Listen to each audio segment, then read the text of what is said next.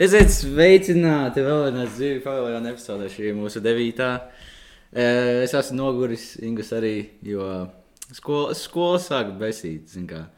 Eh, nu, nav tik traki, teiksim tā, bet, nu, es nezinu. Man, man šodien gribās parunāt par to, kāpēc mēs mācāmies otro svešu valodu.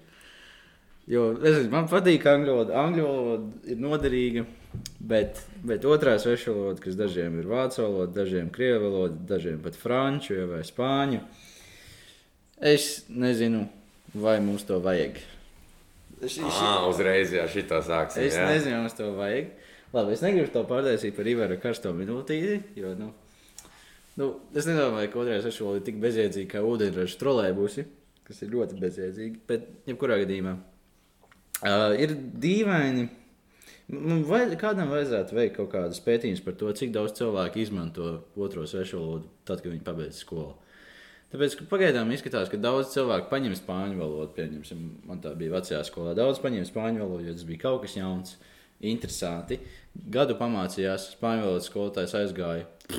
Viss, jau jāiet atpakaļ uz krievu valodu. Ja? Un tad ir daži, kas mācās krievu valodu vispār pamatskolu, un tad viņi izdomā, ziniet, kaut ko jaunu jāpamēģina. Paņem franču valodu, un tad sāk to mācīties no nulles. Tu tagad vajag, tagad vajag man nekā piemēra. Nē, es esmu daudz tādu cilvēku, ieskaitot Ingu. Ja, un, tad esmu, un tad esmu es, kas mācās krievu valodu tikai no, es nezinu, vai tikai, vai tas arī normāli no sastāvs klases. Um, man arī bija krāpšanās no sastāvs. Bet es domāju, ir dažas skolas, kur varbūt ņem ātrāk. Nu, ir daži, kuriem ātrāk, zinu, dažiem klases biedriem jau no kaut kādas trešās klases ir bijusi iespēja to darīt. Ja, un līdz šim brīdim neviens viņu tā. Es neticu, ka, es neticu, ka valodu var iemācīties skolā tādā līmenī, kā skolotāji sagaida. Jā, tāpēc, ka skolotājiem jau ir viegli, ļoti viegli vienkārši sēdēt, taisīt uzdevumus un kaut kā pēc kāda plāna kustēt, nu, kustēties uz priekšu. Ja, bet faktiski nu, nevar, nevar. Man arī šķiet, ka man ar to franču valodu ir situācija tāda, kur es zinu, es ļoti labi zinu, ka skolā no stundām es nekādīgi neiemācīšos. Un labi, skolotāji var vainot to, ka mums ir tas sašaurinātais stundu saraksts. Jā. Bet nu, es nevaru nekādīgi to franču valodu dabūt sev galvā, bez tā, ka es mājās papildus kaut ko mācos un klausos video un tam līdzīgi. Ja, mums jau arī klases biedri visu laiku skatās krievu seriālus, lai iemācās krievu, lai iemācītos krievu valodu. Un Jā. Tas ir vienīgais, vienīgais veids, kā to darīt. Un šādā vecumā, kur es savu visu dzīvi esmu nodzīvojis gan bez krievu valodas, gan bez franču valodas.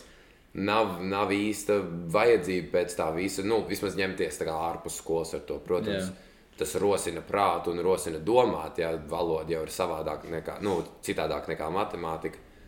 Bet, uh, toties, jā, nu, ir tā, ka man franču valoda rada tās lielākās grūtības skolā un arī liek piepūlēties visvairāk. Un man labāk pavadīt savu laiku rēķinot fizikas uzdevumus vai matemātiku, nekā sēdēt un zubrīties vārdus franciski. Man šķiet, ka problēma valodām tāda, ka viņas aizņem daudz vairāk laika nekā jebkāda skolu sistēma vai mācīšanās sistēma var piedāvāt vienkārši fiziski. Jo, nu, būtībā vislabākais mājas darbs, kas var būt, ir ej mājās un parunā ar kādu tajā valodā. Ja.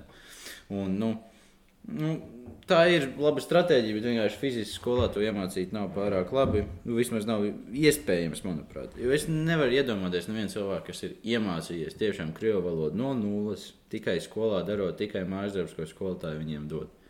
Nu jā, jā, tas tas nekad nav. nav, nav noticis. Cilvēki vai nu zina, vai arī viņiem ģimenē tas ir. Jā, vai arī viņi ir ļoti, ļoti centīgi, un viņiem tas interesē, un viņi paši ārpus skolas ar to nodarbojas. Jā, klausās, runā, skatās visu kaut ko tajā otrajā svešvalodā. Un, nu, tur man arī tā problēma ir tāda, es varētu, ja ļoti vajadzētu, Jā. Ar mammu runāt franciski mājās, bet nu, man nav, man nav nepieciešamība pēc tam. Man nav tās motivācijas mācīties vēl vienu. Vēl vienu valodu, tīpaši, nu, nu labi, desmitajā klasē, ja 16 gadu vecumā sākt jaunu valodu. Un, Protams, es to pats izvēlējos, bet nu, man kriola arī nekustējās uz priekšu. Mm -hmm. Nekādīgi nekustējās uz priekšu. Un, protams, ja tu beidzot 12 klases varēsi teikt, ka tu cik 6, 7 gadus būsi mācījies krievu valodu, bet nu, faktiski cik tas ir? Tā ir tas ir 60 minūtes nedēļā. Jā, un tad neskaitot vasaru, un pavasara brīvlaiku, un rudens Jā. brīvlaiku, un ziemas brīvlaiku, un beigās tur sanāk, jā, tu esi pavadījis tam visam laiku. Bet tu skrien cauri veselai valodai un veselai struktūrai, ne tīpaši krievodā veselam citam alfabētam. Būtībā, jā. Jā, tu izskrien cauri valodai, ko, ko cilvēki mācās, nu, ko krievalodīgie mācās, it, nu, it kā mācās no bērnības jau, mm. jā, no piedzimšanas. Tev tagad pēkšņi ir jāiemācās, labi, seši gadi liekas ilgs laiks, bet nu ne jau skolas ziņā. Jā, Nē, nu, problēma jau ir tāda vienkārši, ka nu, tu, es jau saku, ka skolā nes, nevar realizēt. Es domāju, ka nu, pēdām rodas tāda situācija, ka skolā tiek iemācīta nu, zem, tāda zema līmeņa angļu valoda, zema līmeņa krievu valoda. Labāks variants būtu tiešām padziļināt, mācīt angļu valodu, kas nu, ir nākotne. Par to īsti nevar strīdēties. Ja krievu valodas vietā vai otrā svešvalodas vietā. Tāpēc, ka, nu, tam tiešām tā, to jēgu ir grūti redzēt nu, ja, nu, protams, neviens mēs nezinām savu nākotni. Tāpēc ir grūti noraidīt kaut kādus priekšmetus un nebūtu pareizi pateikt, es tagad nemācīšos, nemācīšos geogrāfiju, jo es zinu, ka es nebūšu nekāds geologs. Nu, nekad nevar zināt, kur tas nodara. Bet ar valodām problēma ir tāda, ka, ja tu zini, nu, ir, ir kaut kāds līmenis, kas tev jāsasniedz līdz, nu, ar valodu, līdz kuru tu varētu pateikt, es pietiekami labi zinu to valodu, es pietiekami zinu krievu valodu. Un tas līmenis ir salīdzinoši augstu. Ir tāda problēma, ka bieži valodās tev var iemācīt kaut kādas pamatprincipus. Tev var iemācīt alfabētu, gramatiku, bet, lasīt. ja tu nezini, jā, lasīt, bet, ja tu nezini pietiekami daudz vārdus, un tu saproti tikai 60% kaut ko, ko kāds saka, tu viņam pretī nezini, vai kaut ko varēs pateikt, tikai saprast. Nē, un tad tikko kā tu nesasniedz to līmeni, tad uzreiz tā motivācija zūd. Motivācija tu, zūd, un tā jēga zūd, tāpēc, ka tagad tu vairs nu, tu necenties viņu izmantot, un viss pazūd tās zināšanas. Jā, un tad tur arī man tā vismaz ir tie problēma ar franču valodu. Mēs šausmīgi ātri skrienam uz priekšu. Mēs būtībā trīs gados cenšamies izņemt nu, vienu no sarežģītākajām, manuprāt, valodām. Jā. Tāpēc, ka tur ir gan rakstība, es joprojām nezinu, kā rakstīt. Man ir, man ir tik grūti ņemties ar, ar to rakstību, jo tev tur ir tik daudz burbuļu, kas pat, ne, kas pat ne, neizdodas ne skaņu. Ja, un, un man vienkārši zūd tā motivācija. Es visu desmito klasi, labi, mēs bijām attālināti un teikšu godīgi, nu, tur es neko neiemācījos. Mm -hmm. Jā, nu visiem pie rokas ir Google Translate un nav grūti iztulkot to, ko skolotāja tev prasa, vai tas, kas ir prasīts darba lapā. Jā. Ja, un šogad nu, nekas nav mainījies. Es, es ar mokām mēģinu tikt līdzi visam, bet arī mēs katru, liekas, ka katru nedēļu mēs ņemam jaunu tēmu. Vai nu tā ir jaun, jauns vārdu krājums, jau saistībā ar nezinu, banku vai skolu vai ēšanu, vai arī mēs mācāmies jaunu darbības vārdu formu Jo pēc, mūsu, pēc manas skolotājas domām, mums vajadzētu zināt, kādas četras vai piecas dažādas darbības vārdu formas, un es pat pirmo nevaru mm -hmm. Par, sakarīgi uztaisīt. Labi, tas ir arī nu, tā ir mana vaina, tas ir tā skolotājs vaina, ja es pats nemācos papildus mājās. Bet man vienkārši šķiet, arī tīri, es domāju, nu, es nezinu, bet tīri zinātniski nu, valodu mācīties 16 gadu vecumā, sākt mācīties, ir daudz sarežģītāk nekā nezinu, kādam no bērnu dārza iebāzt to valodu Jā. dzīvē.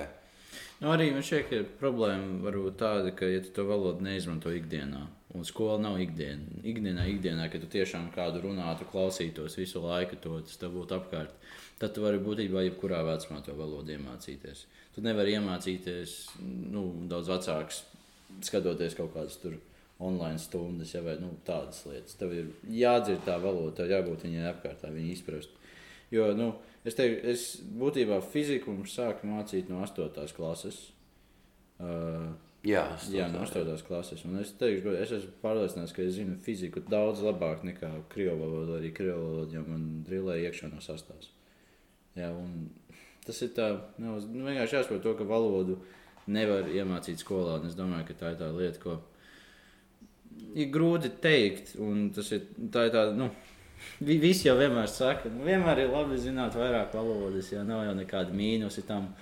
Jā, un nu, savā ziņā nav jau mīnus, bet tas laiks, kas tiek patērēts, kurā, kur tu varētu investēt kaut kur citur, iespējams, nu, varētu būt noderīgi kaut, kaut ko citu darīt. Es Jā. uzskatu, es uzskatu, ka vienkārši cilvēkiem vajadzētu mācīt vairāk, vēl vairāk angļu valodu, krievu valodas vietā. Nu, tur ir, nu, man būtu jāpagaida, ir tā, ka vairāk valodas vienmēr noder. Bet ir arī reizes, kur nu, atkal mēs nevaram izslēgt to, ka tomēr ir cilvēki, kas grib mācīties to valodu skolā. Protams. Un, un to nekad nevar izslēgt. Un tur arī atkal tā lieta, visi, es domāju, pamatskolā teica, kāpēc es mācos mūziku, es neesmu muzikants. Ja? Kāpēc es tagad mācos notis, nu, vismaz manā skolā tā bija, es nezinu, varbūt kā pirmajā bija, bet es zinu, ka manā klasē neviens labprātīgi nemācījās mūziku, jo vienkārši viņiem nebija tāds sevi, ka viņiem vajadzēs zināt, kas ir, kas ir Mocards vai kā ar plauksņām uzsist divu ceturdaļu taktsmēru. Mm -hmm. ja, un, un tad ir līdzīgs princips arī tagad, tu nevari to izslēgt visiem no dzīves tikai tāpēc, ka tev tas besī. Un tas ir mazliet, tas ir, tas, tas, tas ir godīgais variants mācīties tās valodas, bet jā, man tiešām ir tā, ka franču valoda man šobrīd 11. klasē, sākuma, februāra sākumā, ja, ir sagādājusi vislielākās problēmas no visiem priekšējiem, kaut vai nu, uzsākot 11. klasi, man liekas, ka fizika būs problemātiska. Mm -hmm. Fizika man 10. klasē gāja, nu, gāja diezgan normāli, bet tas bija ar nu, pamatīgu, pamatīgu mācīšanos. Un ka es vienkārši rukāju uzdevumus un, un lasu grāmatu un teoriju visu laiku. Bet man liekas, ka fizika būs tā problēma. Nē, man franču valoda šausmīgi, šausmīgi uzbāžās. Jā.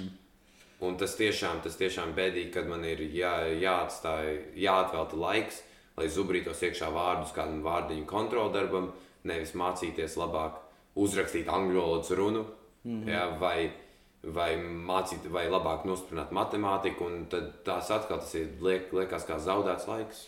Jā, nu man ir redzams, arī mēs esam tādā pozīcijā, kur mēs, nu mēs, mums bija iespēja vidusskolā izvēlēties priekšmetus, kādas mēs mācīsimies. Un tas nozīmē, ka, piemēram, man, es piemēram, tagad nemācos bioloģiju, kas visiem citiem ir jāmācās.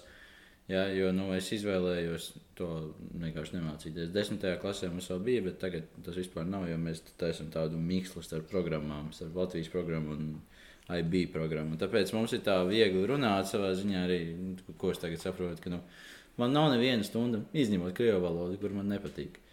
Man visas Jā. es izvēlējos, zinot, uz ko es parakstos, un es esmu ļoti apmierināts ar ko tur mācīju. Un arī ir, ir reizes, ka ir daudz jādara, un kad es jūtos aizkaitināts. Bet, nu, Kopumā kaut kas tur interesē, kaut kas tur interesē, jā, un tāpēc vienmēr ir kaut kāda motivācija to darīt. Bet ar krievu valodu tiešām ir švaki. Vispār. Un tas arī daudziem cilvēkiem. Tas jau nav tā, ka tikai man ir vienkārši vairāk cilvēki neiemācās to valodu. Ja, nu. Un tad tas ir būtībā vienkārši kā to reizi divas nedēļā mocīties. Jā. Jā, un būtībā ar tādu naidu gaidīt to stundu katru nedēļu. It īpaši, kad nu, mums tā svešvalodas stunda ir trešdiena no rīta, kas ir vispār tāds, nu, es teikšu, tāds baigi nelabs, nav labs laiks, jo to tas nedēļas vidus, tu sāc lēnā garā nogurt, un tad agri no rīta tev tagad jāmokās ar valodu, kuru tu nezini. Jā. Un... Trešdiena, manuprāt, ir vissliktākā diena. Pēc stundām vai kā princips? Vispār nedēļā? kā princips. Man Jā. parasti ceturtdienas liekas smagas. Pēc ceturtdienas ir, ir tāda kā tilts starp, nu, uz piekdienu savā ziņā. Jā, man ka trešdienas kā dienas vispār kopumā nav Nekādas. Labas, nekādas jā. jo pirmdiena ir, nu, dažiem nepatīk pirmdiena, bet nu, pirmdiena tev ir tāda jauna nedēļa, un nu, vai no negatīviem vai pozitīviem uzskatiem tāpat viņā ieeja nu, kaut ko tu sagaidi. Vai tas labais liks, kaut ko tu sagaidi, kas Jā. notiks. Otradiena ir varbūt tāda, nu, man šķiet, ka debata ir starp vai otrdienu vai trešdienu sliktākā diena. Jā, ja tās ir tādas nekādas. Ja pieņemsim cilvēku, kuriem jau pirmdiena ir negaidīta diena, tad otrdiena tiešām nav vairs gaidīta. Jā. Jā, nu, jo, jo atkal jau pirmdiena, kas iezīmēs to, ka nedēļa sākas, piekdiena, kas iezīmēs to, ka ah, forši tagad divas dienas brīvas, ceturtdiena. Nu, man vienmēr ir, es nezinu, man kaut kā arī iepriekšējā skolā ceturtdienas pēc stundām vienmēr bija smagas. Nu, tā kā tādi, kur tu uzgāž, nu, arī mums tagad matemātika, nu, man, manā priekšmetā mm -hmm. sarakstā, matemātika, fizika, labi, geogrāfija ir, ir ļoti patīkama, bet matemātika, fizika, nu, tādas, tādas, tādas, tādas smagās stundas, kur tu tā seži savus 60 minūtes, vienu astronomisko stundu, tu sēdi kārtīgi, mācies, klausies un, un, un dari līdzi, un nav tādas īstas atpūtas stundas, mm -hmm. un arī vēl sāk dienu ar literatūras fantazēšanu. Arī man patīk parasti piekdienās, kad ir nu, tā kā agrā, nu, ne agrā pēcpusdienā, tas ir vēls rīts vairāk. Jā. Vēlā rītā literatūra uh, vai latviešu valoda mm, ļoti, ļoti patīk. Jo tas tāds labs laiks, es, es esmu mazliet pamodies, bet es neesmu noguris, nav īsti vēl pēcpusdiena. Mm -hmm. bet, Ceturtdienās no rītiem es vienkārši esmu tik ļoti noguris, ka es nevaru piedalīties stundā. Nu, es vienkārši neesmu, neesmu spējīgs uz to visu. Un ir īpaši, ka es to tā ceturtdienā, ja nedēļas beigas, tu mēģini vēl izgrūsties cauri līdz uh, brīvdienām, lai tu varētu atpūsties. Un tur ir tā vienmēr ceturtdienas man smagas ir bijušas. Nu, jā, es nezinu, man vairāk ka otrdien. Ne, ne, to, ko teicu, pat ir taisnība, bet arī ceturtdienā kaut kādā dienas vidū man pielicis tas, ka pagaidi, tūlīt beigsies diena, un tad jau būs piekdiena palikusi. Papildus motivācija. Jā, un tas uzreiz kaut kā tev aiziet, tas nu, mainās tā visa domāšana par to. Trešdiena ir tieši pa vidu. Un, un, Tāda nekāda. Nu, ir tāda ne- nekāda savā ziņā, jo tu kā cīnies pabeigt to pirmo nedēļas daļu, jā, un tad tu saproti, ah, bācis rīt vēl ir ceturtdiena, jā, un tāpēc tev ir tāda, nu, sliktas domas parādās, jo tu, tu baigi centies izturēt trešdienu, un tad tu atceries, bācis rīt vēl jābūt gatavam ceturtdienai. Uzreiz tā tā dubu, dubultas sāpes. Bet jā, mēs varbūt nedaudz novirzījāmies, bet nu, jebkurā gadījumā. Es zinu, nu, ir grūti, ir grūti atraidīt krievu valodu kopumā. Tāpēc, ka ir cilvēki, kas, piemēram, ienīst fiziku, viņiem to spiež mācīties, jo nu, tā, tā, tā vienkārši ir. Um, bet, nu, ar tām valodām, es vienkārši uzskatu, ka valodu kvalitatīvi nevar iemācīties skolā bez kādiem ārējiem iespējām. Jā, tad arī, tas ir arī kāpēc ir tas jautājums. Vai tiešām ir vērts skolā mācīties kaut ko, ko, Ko tu fiziski nevari ko tu fiziski nevari bez tā? Ja, jo es domāju, ka skolotāji varbūt dažreiz, nu, es domāju, ir skolotāji, kas sagaida, ka tu skaties kaut ko papildus. Jo es domāju, skolotāji nu, nevar būt, ka viņi nesaprot to, ka tev vajag mācīties papildus mājās vairāk nekā viņi uzdod, lai vispār kaut ko saprastu un sekotu līdz tēmai. Nu, nevar būt, ka viņi nezina. Nu, problēma jau tāda, ka vienkārši pēc noklusējuma viņiem nav iedos tas laiks, lai to operētu. Viņi varbūt negrib, nu, atkarīgs no skolotāja, bet varbūt viņi negrib mūs pārslogot ar mājas darbiem. Tāpēc viņi ir tādā situācijā, kur viņiem vajag nu, izvēlēties, cik daudz, cik kvalitatīvi mēs spējam apgūt šo tēmu. Jā, nu vispār kopumā būt valodas skolotājiem, it īpaši otrās svešvalodas skolotājiem, ir, manuprāt, vissarežģītākais nu, skolotāja amats, skolotāja priekšmets. Jo matemātikā ir tā, ka tev ir ilgi jāņemās cilvēki, kuriem vienkārši nesaprot matemātiku. Un ar tiem ar, ar tādiem ir jāņemās mūžība, jo matemātiku tu vai nu uztver uzreiz, vai nu tev paiet laiks, līdz kamēr tu pieķeries tam visam klāt. Mm -hmm. Fizikā arī līdzīgs princips, bet es domāju, tīri izplānot stundas un zināt, ko saviem skolotājiem mācīt un ko nē, un kā vispār, un kā tu kā skolotājs būsi. Visgrūtāk to ir izdarīt otrajām svešvalodām. Un es tiešām jūtu līdzi manai franču valodas skolotājai, kurai ir jāņemas ar tādiem cilvēkiem kā ar mani, kas mājās papildus neko negrib darīt un kas neko nesaprot. Nu, jā. nu, tā tas ir, diemžēl. Un vislielākā problēma tāda, ka ir ļoti liels tās zināšanu atšķirības tieši tajās otrajās sešvalodu klasēs. Tāpēc, ka, nu, kā teicu, ir tie daži cilvēki, kas grib iemācīties, bet viņi parasti jau zina. Viņi zina tos pamats, viņi ir kaut kādā, vai nu viņiem ir mājās. Mājās. Parasti viņiem vienkārši ir kāda paziņa, kas runā krieviski, un tāpēc, vai, nu, jebkurā citā svešvalodā, jā, un tāpēc uzreiz viņi grib, varbūt uzlabot, varbūt viņi grib iemācīties rakstīt. Es pazinu vienu puisi, kurš zināja turku valodu, bet viņš nemācīja, nu, nemācīja rakstīt vai lasīt viņu. Jā, tā kā tikai runā. Tikai runā, tikai runā, jo viņš ar savu tēti bija runājis. Ja? Tāpēc tur, tur uzreiz būtu interesanti iemācīties to visu, un tas nebūtu baigi grūti. Bet, nu, jāatcerās, ka vienkārši cilvēki, kas grib iemācīties krievu valodu, visticamāk, viņi jau zinās kaut kādā veidā, vai arī paši gribēs iet uz kaut kādiem kursiem. es vai uz pulciņiem, vai uz pulciņiem. Pulciņi bija tāda ļoti laba lieta. Es nezinu, kāpēc vidusskolā nav pulciņa. Es nezinu, vai tas tikai Nē, nu, šeit, ir, vai- ir, ir pulciņi, bet vienkārši vidusskolā tur tā atšķirība tāda, ka tur ir varbūt tāda pulciņa, kā teiksim, tā profesionālāki. Nu, kā kaut kas tāds, kaut kas tāds, ko tev nemāca parastajās stundās. Jo, ja mēs padomājam par to, kādas stundas ir vidusskolā, mm -hmm. tev burtiski viss tiek apspriests un viss tiek apspriests augstā līmenī. Jā. Tev stundu skaits arī ir parasti lielāks nekā pamatskolā. Un tur atkal ir tā problēma, tas, ka, ja tev ir lielāks stundu skaits, tev ir mazāk laika, skolotāji ir vairāk noslogoti. Viņi netaisās mācīt tev neko paralēli. Un tu vienkārši kā vidusskolas skolēns esi, nu, kā vidusskolēns esi gudrāks. Jā. Tu vairāk zini. Un tad tev tādi pulciņi, nu, pieņemsim, es zinu, ka manā vecajā skolā bija LEGO pulciņš. Līdz 4. klasē. Nu, vai faktiski pēc 5. klases LEGO pulciņš ir vajadzīgs? Ja cilvēkiem patiesi interesē LEGO, viņiem tas būs mājās. Ja es vairāk domāju, tādu, nu, es nezinu, mums mežciemā bija arī vienkārši valodas pulciņi, ka tu varēji iet un mācīties kaut kādu krievu valodu ekstra vai arī, nu, kaut kas arī mūzikai bija tāds. Ka tas ir būtībā pamatskolas veidu, konsul, veidu konsultācijas. Jā, bet, nu, Bet arī no tām, bet vai no tām tu baigi kaut ko iemācies? Reizi nedēļā aiziet, nosēdēt 40 minūtes. Bet tas ir priekš cilvēkiem, kam ir vēlme to darīt, un kuriem vajag kādu skolotāju, kas izlabo viņu kļūdas, bet kas paralēli vienkārši mājās skatās un interesējas par to.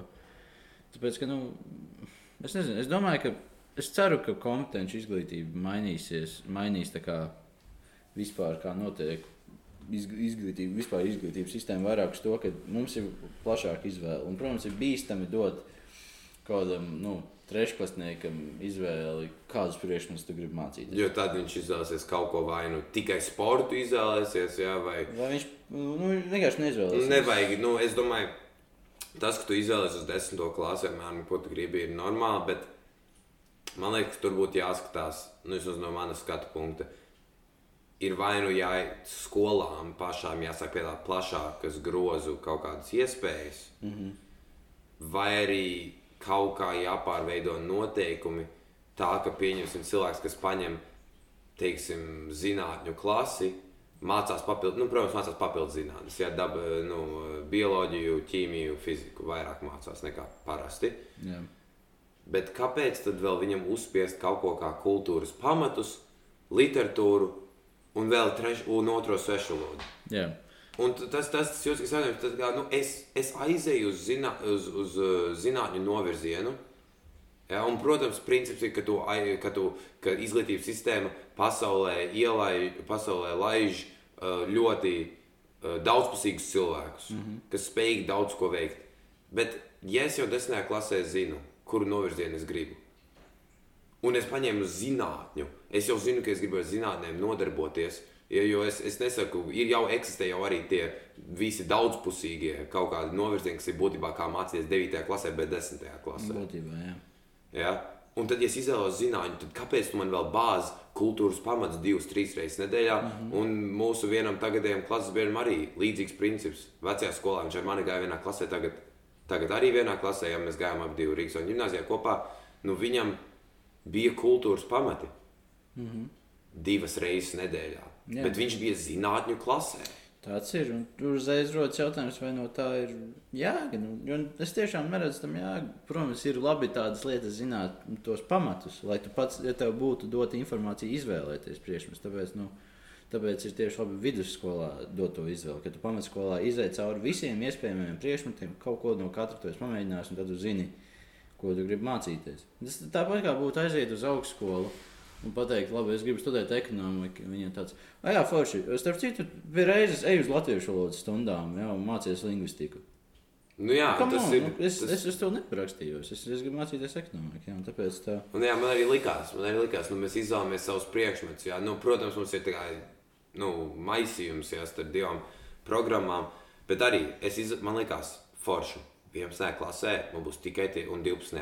būs tikai tie priekšmeti, kurus es gribu. Un, protams, labi, mums uzspieda matemātika, latviešu valoda, angļu valoda, man, man tie priekšmeti patīk. Jā. Visi trīs man patīk ļoti. Nu, tad nu, man nebija iebildumu. Jā, bet nu, atkal man uzspiež to otro sešu valodu. Nu, man, man tas, nu, nē. Nu, es negribu to mācīties. Es gribu, man labi, tu vari uzspiest man tos eh, latviešu valodu, matemātiku un angļu valodu, tos trīs priekšmetus. Bet savādāk, nu, es, es negribu. Man tiešām to ne, nevajag, un es negribu, bet, bet nē, vajag, vajag otro svešu valodu bez tās nebūs labi. Un es saprotu, ka skola nav vienmēr par to, ko tu, ko tu ar sevi paņem no skolas, kā zināšanu ziņā, bet arī bieži par to domāšanu. Un to es saprotu. Bet atkal, tad, kāpēc vairāk nekoncentrēties uz angļu valodu mm. vai kaut ko tamlīdzīgu? Jo angļu valoda latviešu valoda attīst to radošo domāšanu, un nav tā, ka tu tagad zini visus angļu, no angļu valodā esošos vārdus. Jā, tur tā lieta. Nu, jā, fiziski ir Es, tā ir tāda bezdibena sajūta, tāpēc, ka te ir krievu valodas stundu. Bet tagad mainās tā visa domāšana, visas priekš manis, es tagad te vienkārši, lai viņu izdzīvotu, nevis lai tur kaut ko iemācītos. Tāpēc, ka tagad, manuprāt, ir pārāk vēlu kaut ko iemācīties. Nu, es esmu tādā stadijā, ka, nu, Ne, es, nu, es nezinu, ka es esmu baigi aizmugurs visiem, bet tādā ziņā, ka mēs, mēs Tu jūti, ka tu nesasniegsi to līmeni, kur tu vari teikt, to ka tu zini krievu valodu. Tieši tā, es, es to līmeni nesasniegšu. Es nesasniegšu tādu līmeni, kur es varu ar kādu droši runāties krievu valodā. Man nav tas līmenis, kur es varu pat jūtos droši uzsākt sarunu krievu valodā. Nu jā, man, man arī no saviem, no savu, cik tas ir, četru gadu, trīs, četru gadu pieredzes ar krievu valodu. Viss, ko es varu pateikt, man kāds atnāk kaut ko nobina krieviski, un viss, ko es pasaku, ja nepaņemāju par ruski, un tad Jā. eju tālāk. Un tas ir viss, ko es iemācījos pateikt. Un, nu, e, protams, ir tā, ka es kaut ko, ir vārdi, kurus es saprotu. Nav tā, ka es neko nezinu. Bet es nemūžam neteiktu, ka es zinu krievu valodu. Jā. Es mācos, nu, labi, šajā gadījumā es mācos franču valodu, bet es nemūžam neteikšu, ka es zinu franču valodu. Jo franču valoda, nu, pirmkārt, ir sarežģīta, bet otrkārt, atkal, tas ir tas viens līmenis, kur tu jūti. Jā, ja man kāds kaut ko pajautātu, es atbildētu un pastāstītu vēl papildus. Ja kā ja es ietu veikalā un lasītu, kas ir rakstīts kastītēm aizmugurē, kas ir sastāvā, vai es aizietu uz restorānu un varētu izlasīt to, kas ir ēdienkartē, mm -hmm. es teiktu, jā, es zinu franču valodu. Bet tāda situācija nav. Un trīs gados, es domāju, tādu līmeni nevar sasniegt, īpaši, ka tev viens gads ir būtībā neeksistējis. Ka nu, mums, mums desmit klases atņēma. Faktiski mums desmit klases atņēma. Faktiski, jā. Atņēma iesvētības, atņēma vispār, jo desmit klases mums atņēma. Ja? Es vidusskolā eju divus gadus, iešu divus gadus, ja esmu gājis vienu semestri. Jā. Ja desmitā klase nav vairs vidusskola, man vidusskola, vidusskola ir 11, 12, viss desmitā neskaitās. tas, nav. tas ir tā traģiski priekš mums. Bet, nu, tādos laikos, laikam, mēs dzīvojam. Ka, kas to lai zina, kas notiks ar 12. klasi? Nē, ja man nebūs izlaidums, būšu dusmīgs. Jā, tu jau esi. Ja, ja, nē, ja, ja man nebūs izlaidums, būšu dusmīgs. Nu, nevar būt. Nu, vienā brīdī vienkārši jāsaprot, labi, ja Covid nevar apstādināt, nu, padodamies. Nu, tie, kas nomirst, tie nomirst. Nu, es zinu, ka tas nav baigi forši tā kā to teikt. Bet nu, es gribu izlaidumu. Es negribu beigt skolu, sēžot maskā, kad es varu ieaicināt ne pat savu ģimeni, skatīties, kā saņemt diplomu. Un viss, ko es dabūnu dzirdēt, ir kā 10. un 11. SB klase, dzied kaut kādas tīzlas dziesmiņas un atvadās no manis. Jā. Ah, nu forši! Paldies, ka tu piedalījies! Tiekamies nekad! Jā, nu, tas ir tas kā. ir, tas ir traģiski, ka es ļoti labi atceros, ka pirmo reizi, kad es iegāju skolā, man tāds bācis 12 gadi. 12 gadi, ja šito tagad būs jāčakarējas, ja un jāmācās. Un es kļūšu, vienkārši tur redzu, to, man, man mešķiem bija tikai 9 klasnieki, vienkārši redzu tos, cik viņi lieli ir. un Tāds, Nu, Tas ir- tiešām, tagad. Kā, kā, tad- kā to vispār var sasniegt? Tagad, tu esi 11. klasē, grūti kā pārsteidzoši, cik ātri tas laiks paiet savā ziņā. Nu, jā, un tad tu esi tik ļoti lielu savu dzīves daļu ieguldījis un padomā, kā, kā, kā jūtās tie skolotāji, kas redz tevi, pieņem, kas ir tevi zinājuši no kaut kādas trešās klases līdz, nu, labi, manā gadījumā, līdz devītajai, man angļu jā. skolotāji. Burtiski es izaugu no, maz, no, nu, no bumbiņas jā, uz, uz divmetrīgu čali, jā, un tas ir tāds, tas ir, tas ir tā tāda attīstība, un vienkārši tu esi tik daudz savas dzīves, it īpaši, it īpaši tādā agrīnā vecumā. Jā. Ja, kad tu esi dzīvojis uh, 18, 19 gadus, 12 no tiem ir bijuši skolā. Jā. Ja, būtībā divas trešdaļas gandrīz mm -hmm. tu esi pavadījis skolā, un tagad tu man saki, ka es nedabūnu svinēt, kad esmu pabeidzis šo visu. Es nedabūnu atvērt šampi un padzerties, un es nedabūnu ieaicināt savu ģimeni, redzēt, kā saņemu diplomu kaut kādu. Nu, Nu, tā nevar. Tā, tā nevar tas vispār. Es negribu zūmā sēdēt, un, un, un ka man atsūta e-klases pastā vēl pēdējo reizi, atsūta manu vidusskolas diplomu, kas esmu pabeidzis ar foršām atzīmēm. Kā? Jā, tas ir vienkārši briesmīgi. Tik ļoti censties un vienkārši saņemt e-pastā malacis. Malacis. Malacis, lai veicas. Bija prieks tevi pazīt. zini Kā, nevar, ap, nevar apskaut skolotāju, nevar iedot šokolādi. Tu vienkārši aizsūti viņai uh, Whatsappā, ja, īkšķīt uz augšu. Paldies par visiem Jā. šiem brīnišķīgajiem gadiem. Mm -hmm. Paldies, ka mani uzaudzinājāt. Paldies, ka bijāt daļa no manas dzīves. Es, es, es jums tagad paspiestu roku, bet es nevaru. Es jums aizsūtīšu emoji. Jā. Tas bija kāds bija tavs izlaidums 9. klasē? Ja vispār- Kāds viņš bija? Kā- tev vispār mēs kas bija? būtībā varēja būt tikai mēs, aktu zālē, tikai mūsu klase un daži skolotāji. Jā. Mēs sēdējām divu metru distancē ar maskām. visi tā kā, rind, nu, tā kā vairākās rindās. Mm -hmm.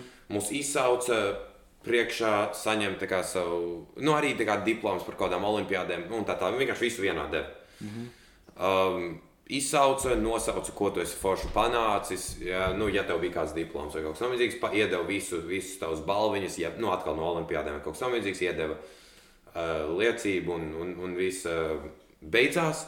Un tad labi, mūsu klases audzinātāja bija sarunājusi, um, uztaisīt pikniku netālu parkā, nu, kā tādu nosaukumu pasākumu, tādu foršu. Nu, Jā. bija, bija labi, jā. Un vienkārši nu, tā šī tāda, ka tajā brīdī, kad tas notika, es jau zināju, ka esmu ticis pirmajā gimnājā, un es zināju, ka es cilvēkus, visus šos cilvēkus būtībā vairs nekad savā mūžā neredzēšu.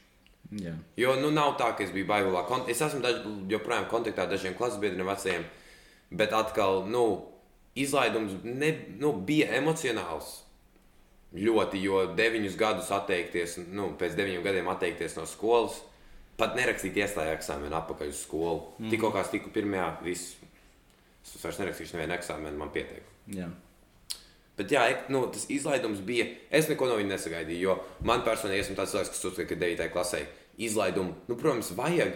Bet mūsdienās tas ir, ir tik ļoti liels uzsvars uz vidusskolu, ka, manuprāt, pēc 9. klases ir reti, kurš beidz uzreiz un neiet vairs tālāk un nepabeidz 12 klases. Nu, es domāju, tā ir vairāk lauka lieta, ka nu, vismaz Iet strādāt, iet tieši tā. Strādāt kaut kā tā, vai, nu, vai arī, nezinu, par kaut kādu frizēru, bet nu, frizērs tagad nav baigā profesija, kas ir modē. Bet jā, nu, mums bija būtībā līdzīgi tev. Arī visi tur aktu zālē sasēdināti tādā tur distanci.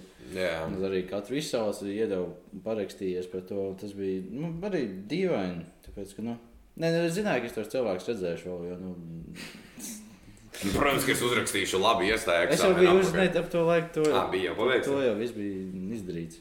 Ah, skaidrs. Es pat nec, es nezinu, vai es zināju, vai es tiku vai netiku. vai bija. Nē, IB, es domāju, vēl ne, tāpēc, ka bija IB? Vasarā vai? tas bija, uh, IB bija tajā vēlāk jūnijā. Ja mēs rakstījām, ja mēs Ah, jā. rakstījām iestāju eksāmenu, nu es atceros, man izlaidums bija kaut kādā 11. jūnijā varbūt. Jā. Mēs rakstījām, pirmā dienas iestājas kaut kādā vai nu agrā jūnijā, vēlā maijā, bet kā ļoti agrā jūnijā. IB bija kāds 14, 15, varbūt, jo es atceros, ka bija dokumenti jānodod līdz Jāņiem. To gan es atceros. jā. Visi dokumenti bija jāiesniedz līdz Jāņiem. Tad tur varētu būt tā, ka mēs rakstījām kaut kad 11. Es zinu, zinu ka es īsi pēc, īsi pēc izlaiduma es, eh, rakstīju IB eksāmenu. Jā. jā, tā bija tāda. mēs- Jā, nu, tā arī bija tāda bijusi dīvaina sajūta, ka nu, tagad tu pabeidz un tu īsti nezini savu nākotni, kur tu būsi. Jo zināju, ka es būšu gimnājā tik daudz. Man šķiet, ka tik daudz es jau zināju, bet nu, tas bija tā dīvaini. Es atceros, mums bija, mēs, mums bija sarunāts. Mēs, nu, ja nu, mums bija forši klase, mēs sarunājām uztaisīt tādu kārtīgu izlaidumu vasarnīcā uh, Siguldā. Jā, tas bija forši. Tā nu, kārtīgi atvadīties no visiem. Jā, bet nu, tā bija mm, vienkārši nākošajā dienā. Tad domāju, ok, forši. Tagad, tagad būs jāgatavojas manai nākotnē. Ja es tikšu tajā bija vai nē. Tas bija arī tā bailīgi. Un... Bet tas, ne, tas, ne, tas nešķiet kā baigi īpašs moments. Ja 9. klase tas nav. Jā, man, Tas- nu, man tas pats, tāpēc, ka mums bija tā, ka uh, es ar savu brālēnu bijām vienā klasē Rīgas gimnājā. Un uh, būtībā mums bija tāds liels ģimenes sajūta pēc būtības, tā, kad nu, tajā uh, nākamajā dienā pēc, pēc, pēc, pēc izlaiduma. Nu, visi sabrauc, mm -hmm. jā, nu, visi ģimene. Nu, visa tā ģimenes, man tēta ģimenes puse.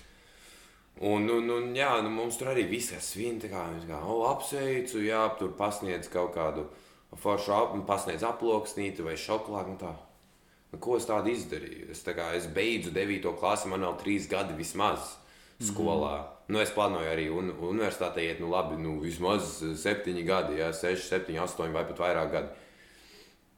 Nu, es vēl te plānoju mazliet, nu, ko jūs man tagad, ko jūs man spiežat roku. Es saprotu, ka esmu pabeidzis 9. klasi, bet atkal tas jau vairāk tāds ieradums ir. Mm -hmm. Svinēt to 9. 9. klasi, tīpaši, kad mu, nu, nu, nevar arī tie, kas man klasē nemācījās un negribēja, un kuriem nepatika mācīties, tik un tā aizgāja uz vidusskolu. Jā. Un tas, tas, tas, liekas, kā, tas liekas kā tāds. Un tas arī kāpēc, es domāju, ir tas pamatojums izveidot ļoti, ļoti dažādus tos grozus vidusskolai, jo faktiski pamat izglītība tas ir pamats. Teorētiski pamat izglītība tev sagatavo visam. Jā. Tā ka tu vidusskolā jau zini, kas tev patīk, kas nē, vai Mhm. vismaz ko tu gribi darīt. Tas ir ideāls gadījums, bet kas patīk, kas nē, tas var jau tam vajadzētu izveidoties līdz 9. klasē, Jā. nu, līdz 10. Un tas arī, kāpēc liekas, nu tiešām vai ir jāuzspiež atkal kultūras pamatā mācīties cilvēkam, kas grib mācīties tikai zinātnes. Jā. Un kas stabili par to visu zina. Ja tu vēl nezini, lūdzu, ej uz vispārīgo klasi. Ja tu gribi biznesu, ej uz biznesa klasi. Ja tev tur mācīs ekonomiku, un tur mācīs kaut kādu. Arī mācīs biznesu vienkārši kā priekšmetu. Ja? Un, Nu, jā. Jo ir grūti, kā, nu, es, es saprotu, kāpēc cilvēki to nedara, jo ir grūti varbūt apzināties to vecumu, kad cilvēki, nu, bērni šajā gadījumā zina, zin, ko viņi darīs, ja, vai, nu, vai, vai viņiem var uzcēdēs ar, ar pašu savu nākotni. kā. nu, nu, manuprāt, nevar. Nu, bet, nu, bet nu, problēma ir tāda, ka mēs jau uzskatām 18 kā to maģisko skaitli, pēc kura tu vari izvēlēties savu. Es, ne, es nezinu, kāpēc 18 ir tik maģisks skaitlis. Es nezinu, kurš to izdomāja. Tur, es, man, man, šķiet, man šķiet, ka pat zinātniski nav īsti pamatos, kāpēc 18 skaitās pilngadība. Jā, Jo arī tas ir, man liekas, ok, varbūt varētu būt tā, ka 18 gados tu beidz skolu, un tas, kad iestājas tev reālā dzīve, nu tā kā vidusskola. jā. Bet mēs beidzam 19 gados. Beidzot, 19 gados. Un tas ir man, man, tā, Pēc man, definīcijas, jā. Jā, un tas nu labi, tad kāpēc 19 nav pilngadība? Kāpēc Latvijā dzer no 18 un Amerikā dzer no 21? Nu, kas, kas ir Tas ir pilngadība? pilngadība, jā. Un Ka, kas raksturo to, jā, tāpēc tā. Es atceros, man kādreiz kāds teica, es nedomāju, ka tā ir patiesība, bet, nu, bet tieši par to dzēšanu, ka varbūt tev orgāni nav tam gatavi, vai, nu, tieši Nu, jā, bioloģiski. kāpēc zinātnē atšķirās? Kāpēc, jā, bet kāpēc tieši tie tas atšķirās, jā, dažādās valstīs? Tas ir pilnīgi, pilnīgs bezsakars. Bet, nu, tā pašā laikā, ko lai dara? Nu, uz, uz, jautājums ir, uz kuru pusi mainīt? Jā, vai, vai, vai kā tu uzskati, vai mēs esam gatavi 16 gados, vai arī mēs esam gatavi? Nu, jā, jo arī pēc tās, pēc tās loģikas, ka uh, pamat izglītība nu, tiek iegūta 16 gados, un it īpaši kādreiz 16 gados tu jau biji būtībā vīrietis un gāji strādāt, mm -hmm. uh, tad tiešām ir jautājums, kāpēc pilngadība nav 16.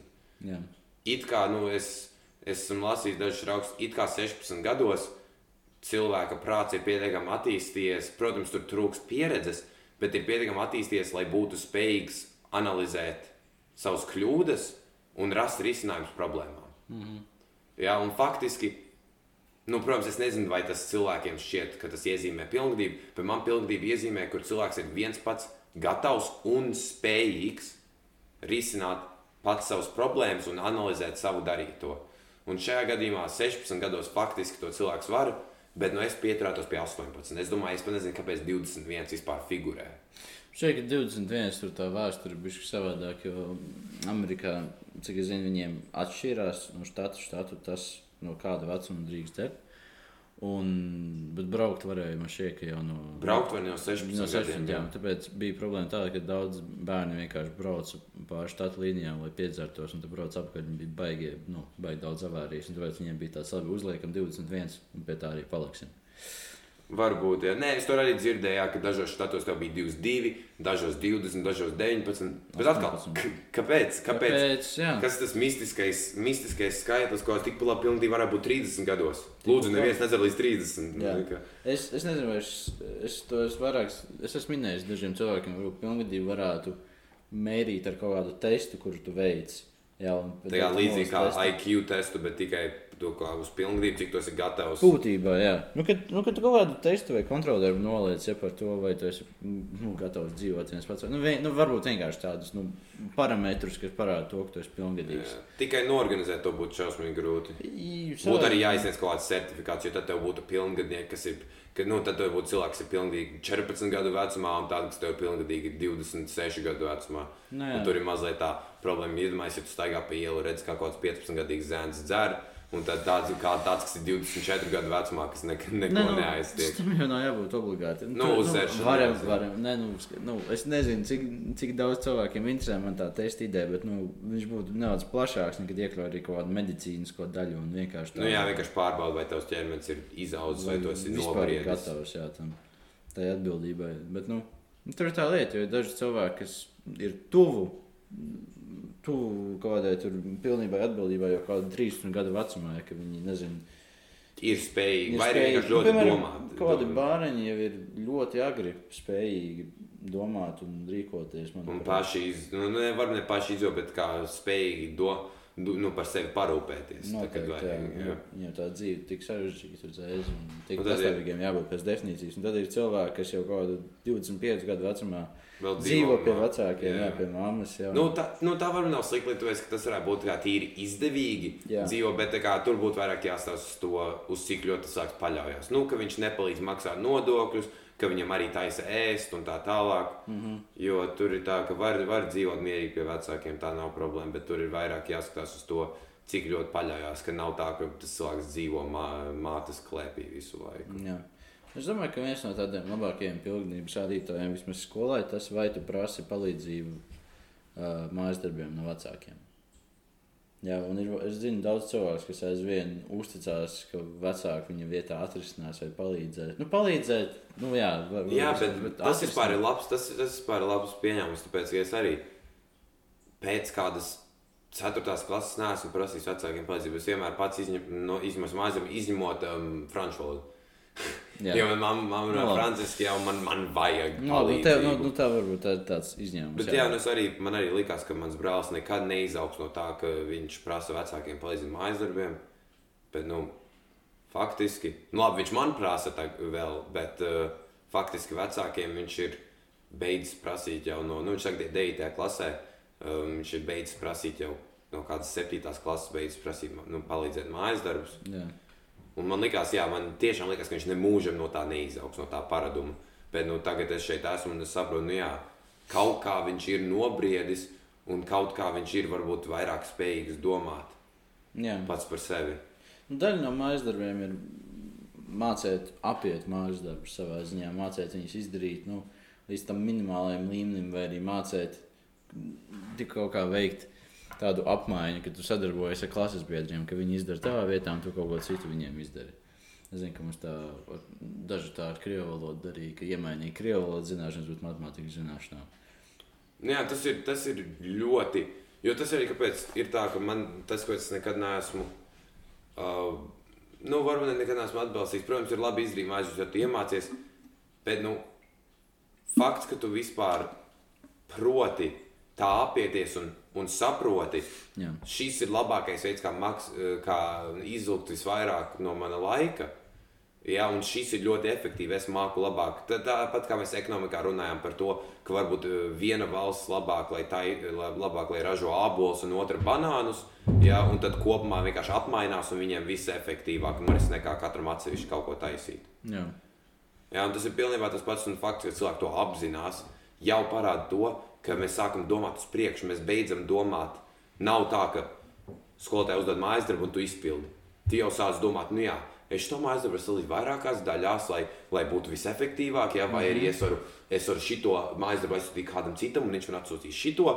Un tad tu sāc domāt, un, un tur ir atkal tā būtība. Cilvēki parasti to nesaka, nu, cilvēki parasti tam ne, nepievērš uzmanību, bet skola netiešā veidā veicina, nu, kā tavā zemapziņā, veicina tavu doma, uh, domāšanu par to, vienkārši kā pasaule strādā un kā tu labāk varētu dzīvot. Mm -hmm. Nav pat runa tikai par to, ko tu mācies, ir runa par to, kā tu mācies, ir runa par to, kā tu domā, ir runa par ko tu domā ja, un par to, cik tu spējīgs esi domāt. Jā. Nu, arī daži, varbūt, es nezinu, vai tā ir tāda laba vai slikta daļa no vispār skolas sistēmas, bet nu, ir reizes, ka skola tev iemāca paskatīties to visu kā tādu, nu, ne spēli, bet tādu sistēmu, ko tev dažkārt vajag apiet. Jā, jo nu, ir momenti, kur tu. Ir, vie, ir viegli sakot tam, ko tev saka skolā. Viegli vienkārši darīt to, ko skolotāji pasaka. Bet, nu, Vismaz, ko es, tā ir mana pieredze, bet nu, es nesaku, ka tā ir vislabākā. Bet nu, dažkārt ir gudrāk apiet, varbūt nedaudz, vai arī nu, izvairīties no kaut kā, no, no noteiktiem mājas darbiem, zinot, ka varbūt skolotāji to nepārbaudīs, vai arī apzinoties to, ka mēs par to vairs nekad nerunāsim. Tā ir tāda veca tēma, kāpēc vispār to vajag.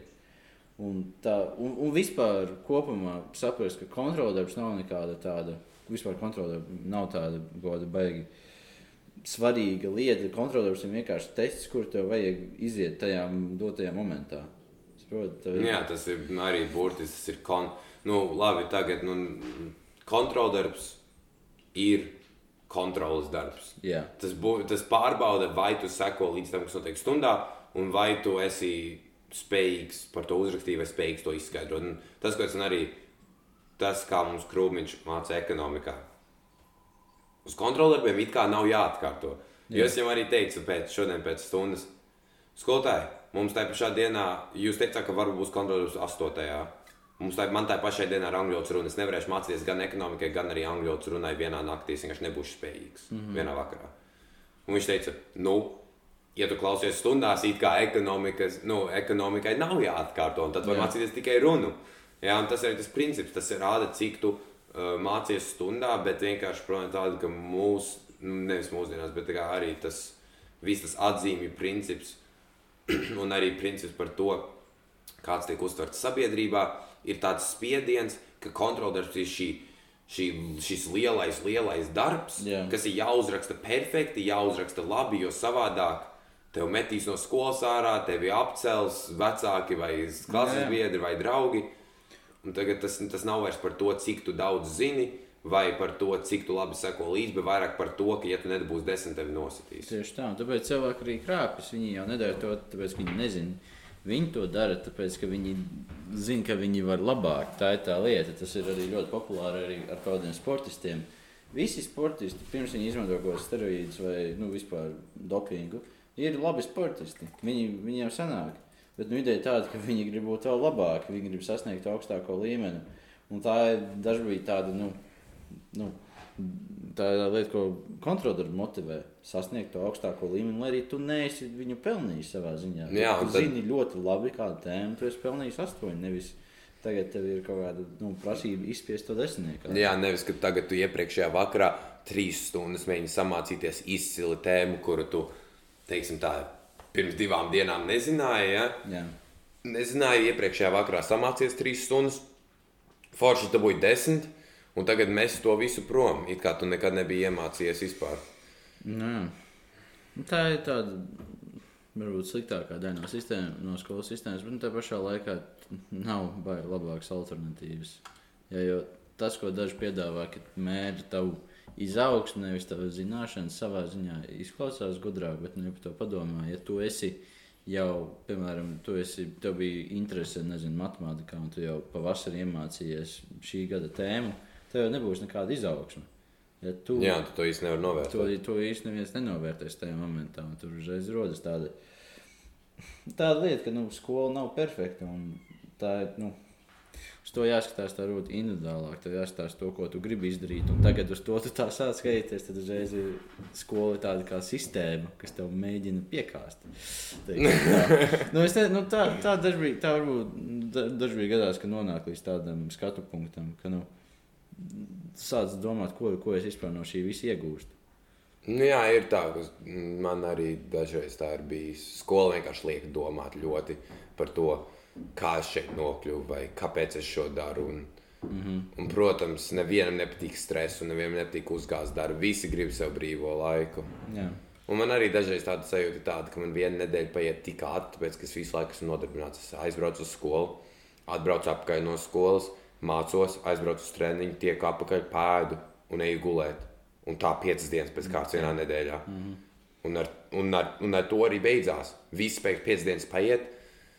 Sestdienas, svētdiena arī nu, paiet ātri, es atpūšos, daru, ko es gribu, un tagad atkal tajā pašā, tajā pašā teiksim, tā, mm, rutīnā esmu iesprūdis.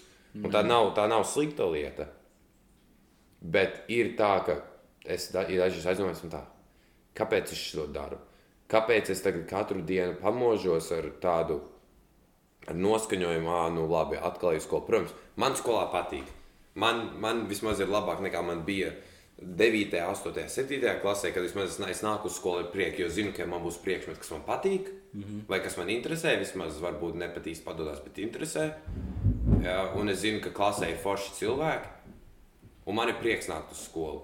Bet no 9, 8 klasē nu, nebija liels prieks nākt. Man bija jāciešās ar tādiem priekšmetiem kā māksla vai mūzika, kas galīgi nesnāk, jo es neesmu tādā veidā radošs cilvēks. Jā. Um, vai arī, protams, ģenerēt kaut kādas idejas. Es varu esejai latviešu valodā vai angļu valodā, bet zīmēt un, un, un īsti kaut ko dziedāt, nu, diemžēl neesmu tik talantīgs. Tā jā. Nu, uzreiz arī cilvēks salīdzina skolu kā nu, tādu darbu. Dažkārt pret darbu ir tāda, ka nu, tu īsti nevari izvēlēties. Tu vari izvēlēties skolas līdz noteiktam līmenim. Jā, bet nu, tu nevari izvēlēties klases biedrus. Nu, kas, tas pats arī darbā. Īsti nevari izvēlēties. Bet tu vari izvēlēties, ko tu dari. Skolā vismaz pagaidām mums tādas izvēles nav. Mums ir jādara viss tas pats, ko citi dara. Tāpēc nu, rodas tādi jautājumi. Nav individuāls pieejas. Nav individuāls pieejas, un tāpēc uzreiz. Nu, ir, ir, jo ir bijušas dienas, kuras vienkārši gribu aiziet uz skolu, jo ir kaut kāda interesanta tēma, kas man tiešām interesē. Jā, bet, nu, un, un es domāju, ka darbā cerams arī būs tas pats, ka es eju uz turieni, zinot, darot, darot to, kas man patīk, jā, ar prieku.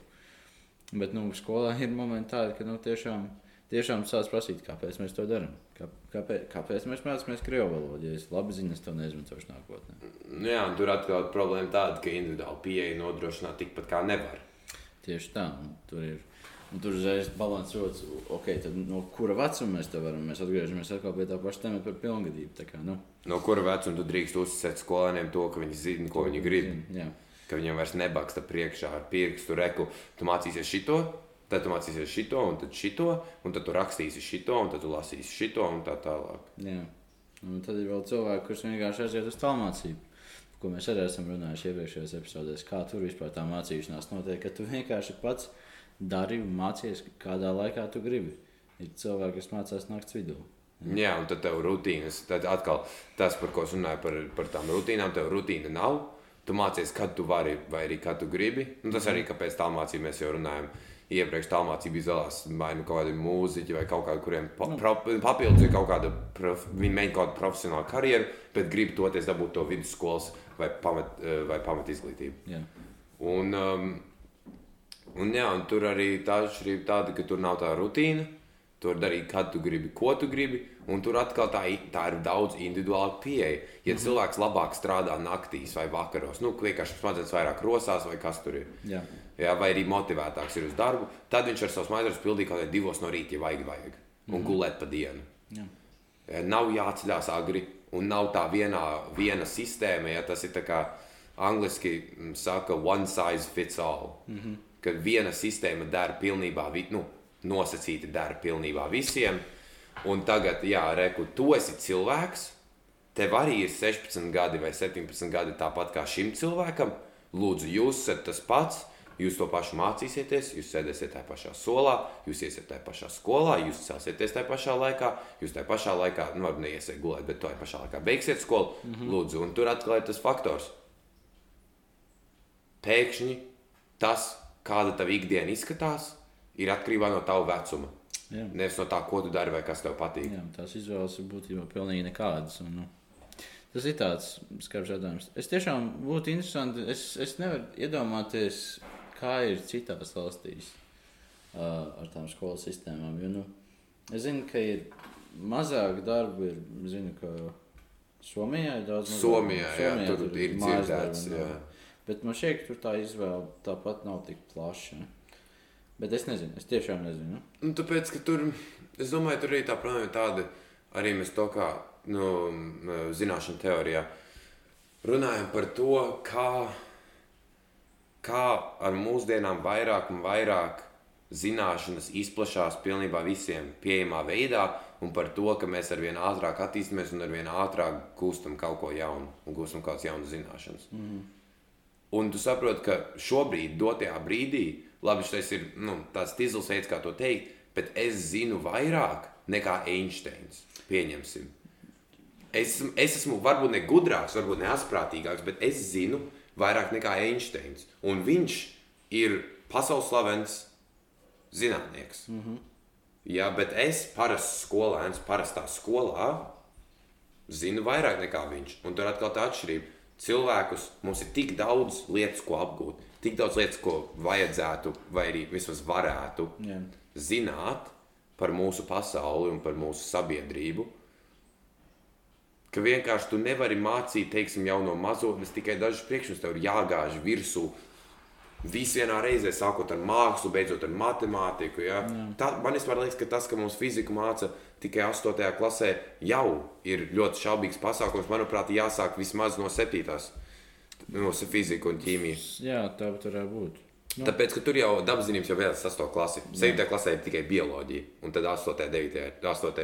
ir un sākas ķīmija un Jā, fizika. jā. Tāpēc, nu, ne, tas, ko teicu par Einsteinu, tā ir taisnība. Galvenais tas, ka mums ir pieejama informācija. Ja mēs arī kaut ko nezinām, mēs varam atrast to informāciju daudz ātrāk un daudz efektīvāk.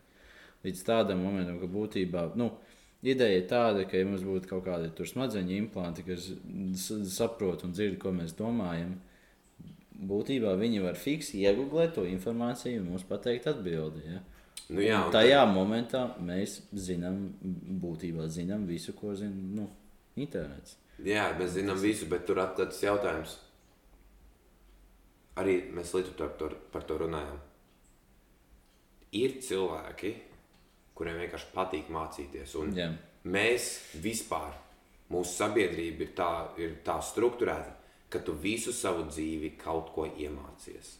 Vienalga, vai tu esi skolā, vai tu esi vecs opis vai uh, vecs opis. Tur tu visu laiku kaut ko mācies. Tev, tev dzīve ir mūžīga skola. Mm -hmm. Jā, varbūt ne tādā veidā, kur es sēžu pie sola un man kāds diktē, ko rakstīt. Bet es visu laiku kaut ko jaunu iemācos. Vai tas ir no pieredzes, vai tas ir kaut ko foršu izlasu.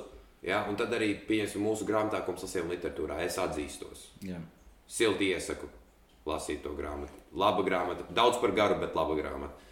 Uh, bet arī tajā pašā grāmatā Adrijā galvenais tēls visu savu dzīvi kaut ko mācījās, lasīja un visu savu dzīvi uh, būtībā deva literatūrai, Jā. un deva mākslai un kultūrai. Un tad tu aizdomājies par to, ja mums būtu kaut kāda šī čipa, kas mums vispār pasaka priekšā, tev nešķiet, ka tas izņemtu prieku no mūsu dzīves, vai vismaz to mērķtiecību. Mums būtu, nebūtu tāda sajūta, ka mēs esam tāda tukšuma sajūta, ka mēs ne, es, esam nepilnīgi, jo mums nav mērķis, uz ko mēs tiecamies. Mēs, mēs visu pēkšņi zinām. Nu, tas, tas ir tāds dziļš jautājums. Tāpēc, ka nu, savā ziņā tas, kas mūs padara mūsu pašus, nav tikai mūsu ziņā, zināšanas, ir arī kā, nu, mūsu uzvedība, mūsu nu, mēs kā persona arī. Tas, cik daudz es zinu, varbūt nenoz, nu, neparāda. Tā ir daļa no manis, bet nu, tā neparāda visu mani. Tāpēc arī nu, es, nezinu, es nezinu, vai mēs pazaudētu visu savu identitāti. Nu, bet nav, nav runa par.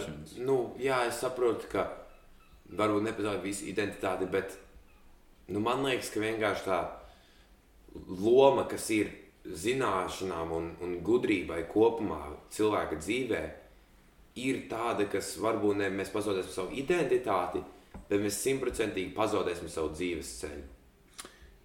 Mēs nesapratīsim, ko mēs īsti vēlamies panākt. Ja visi zina visu, visi ir spējīgi strādāt visus darbus. Un tev nešķiet, ka vienā brīdī tas, ka tu visu zini un tas, ka tu neko jaunu nevari uzzināt, neuzzīs tādas kā bēdas par to, ka tu vienkārši neesi spējīgs, ne, nu, tu, ka tu nevari sev novērot nekādu nu, smadzenēm, un tas, cik tu zini, nekādu attīstību. Tu zini to pašu jau no mazotnes. Jā. Vai, nu, labi, vienalga no jaunatnes, vienalga. Tu zini pilnībā to pašu. Un tu nekādīgi neattīsties. Labi, tu, tu izaudz lielāks, tu izaudzē foršu vārdu, un tāds baigi foršas ūsas. Ja? Mm -hmm. Bet tu nekad neko jaunu neuzzini. Tu nevari, tu nekad jau neko neiemācies, un tev viss liekas jau redzēts un viss liekas zināms. Un vai tiešām tas, tas nedotu tādu sajūtu, ka mēs bez mērķa, nu, bez mērķa dzīvojam? Tā būtu, tas būtu kā būtiski atsēdēt mācību stundu, ja tev neinteresē. Tu atsēdi dzīvi. Savā ziņā, jā. Nu, tev varbūt iztiksim bez smadzeņu implantiem. Jā, protams, nu, Laikam, laikam. Jā. nu, jā, nu, tā, tas ir tāds ļoti, ļoti dziļš jautājums. Pēc, ka, nu, es nezinu, vai tas vispār būs iespējams tā, nu, tādu. Ne, protams, mēs nezinām, bet mēs saprotam, ja tas būtu. Ja tas, Ja tas tad būtu, tad, nu, Šaubīgi tavs uztraukums ir pašsaprotams, jā. Bet, jā, jebkurā gadījumā ļoti interesanti saruna. Bet nu, nonākam pie tā paša krievu valoda. Nevajag nevienam, manuprāt. Labi, es pārspīlēju. Nu, noder jau noder, bet es negribu to mācīties. Labi. Jebkurā gadījumā, paldies. Tas arī viss būtu varēs teikt.